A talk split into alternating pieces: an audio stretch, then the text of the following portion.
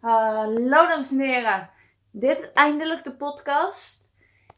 Ik weet dat jullie er een hele avond op hebben gewacht en hij staat nu online, als het goed is. Oké, we gaan naar het begin. Het begin van alles.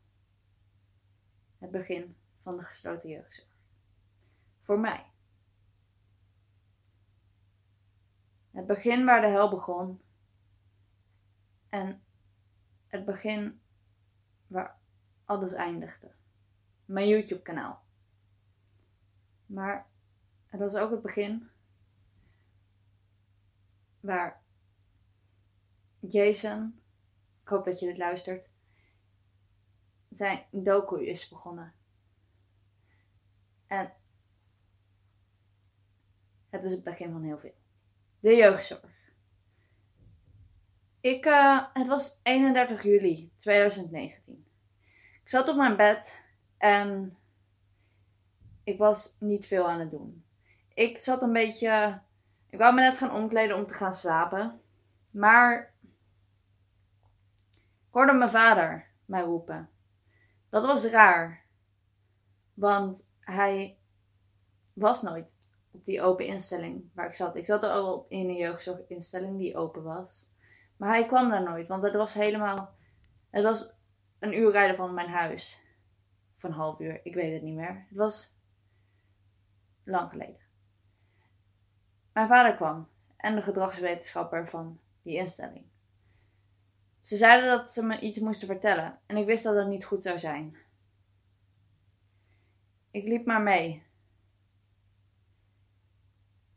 En toen vertelde ze het. Ik weet niet meer wie van de twee, maar mijn vader of de gedragswetenschapper vertelde het.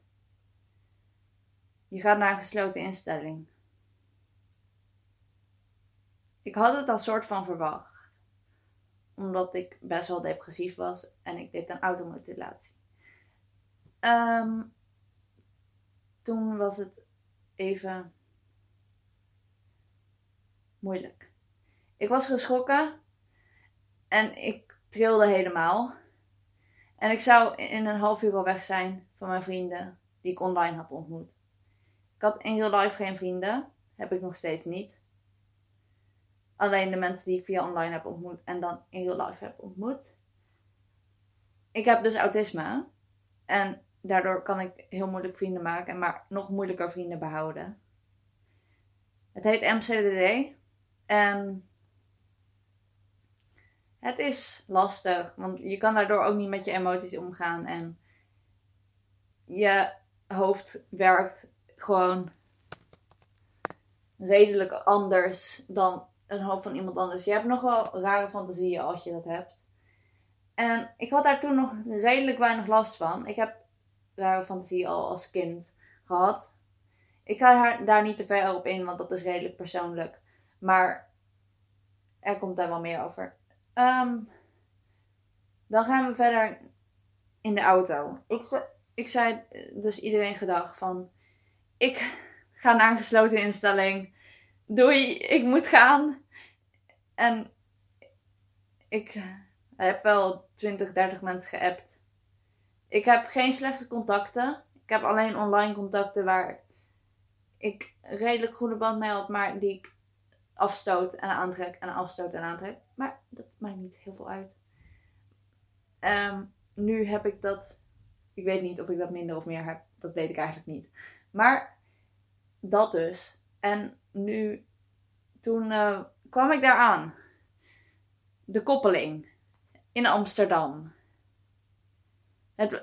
De eerste nacht. Nou, ik ging eerst dus naar binnen. Ze dachten, het was een beetje vreemd, want ze dachten dus dat ik uit de gevangenis kwam, terwijl dat niet zo was. Want, maar uh, die instelling was helemaal niet in dezelfde plaats als de gevangenis waar ze het over hadden. Dat was een beetje vreemd. Maar mijn vader uh, zei, uh, de begeleiders die namen mij mee en mijn vader vond dat heel moeilijk.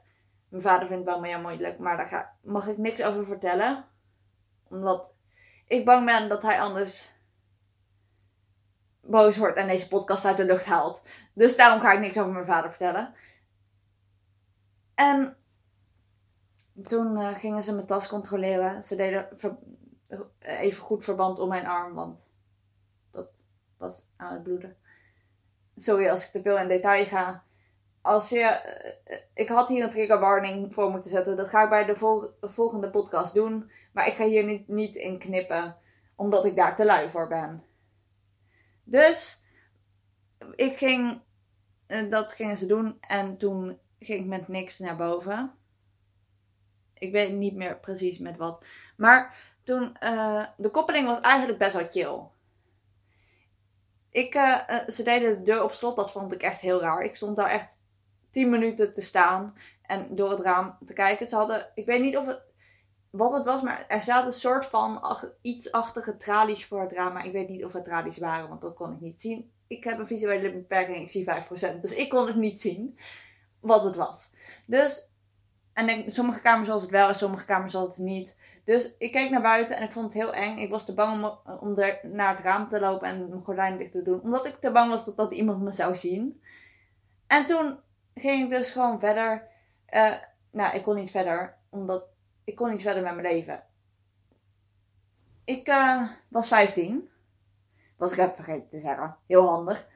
En ik zette de tv aan. Ik was daar heel blij mee dat er een tv was, want dat had ik niet verwacht. De koppeling was echt. Het was echt heel chill voor een gesloten jeugdzorg. Ehm, daar heb ik ook Arnold Gunberg ontmoet. Dus toen. En ik was ook heel blij dat ik een wc op mijn kamer had, want dat had ik in die open instelling niet. Dus ik hoefde geen wc te delen, dus ik ging gewoon naar de wc. En ik ging tv kijken, maar ik, ik, ik wist helemaal niet wat, hoe, de, hoe een tv werkte. Want dat heb ik nooit, had ik nooit gebruikt in mijn leven. Omdat ik, ehm, ik, ik keek altijd tv op mijn tablet of op iPad die ik toen nog had. Nee, ik had net een tablet gekocht, want mijn iPad was toen te sloom. Maar toen ging ik dat dus doen. TV kijken. Dat had ik nog nooit in mijn leven gedaan. Alleen als kind. Die kinderprogramma's. Maar ik wist helemaal niet wat er om 11 uur s avonds op tv was. Dus ik zocht naar een leuk programma. Maar ik kon niks vinden. En toen ging ik proberen te slapen. Maar ik heb die nacht maar drie uur geslapen. Want ik vond het veel te eng. Ik was voor het eerst in mijn leven opgesloten. En toen werd ik wakker. En toen was het de volgende dag. De volgende dag komt in de volgende podcast. Ik hoop dat jullie het leuk vonden. Um, ik wil like en abonneer zeggen. Maar dit is geen YouTube. Dit is Spotify. Maar ik hoop dat jullie het leuk vonden. Um, volg mij op Spotify. Volg mij op Twitter. Laagstreepje. En geef mij een 5 sterren review. Als je deze podcast leuk vond. Doei! En ik... Uh, er komt binnenkort meer. Volg me op Twitter voor meer updates.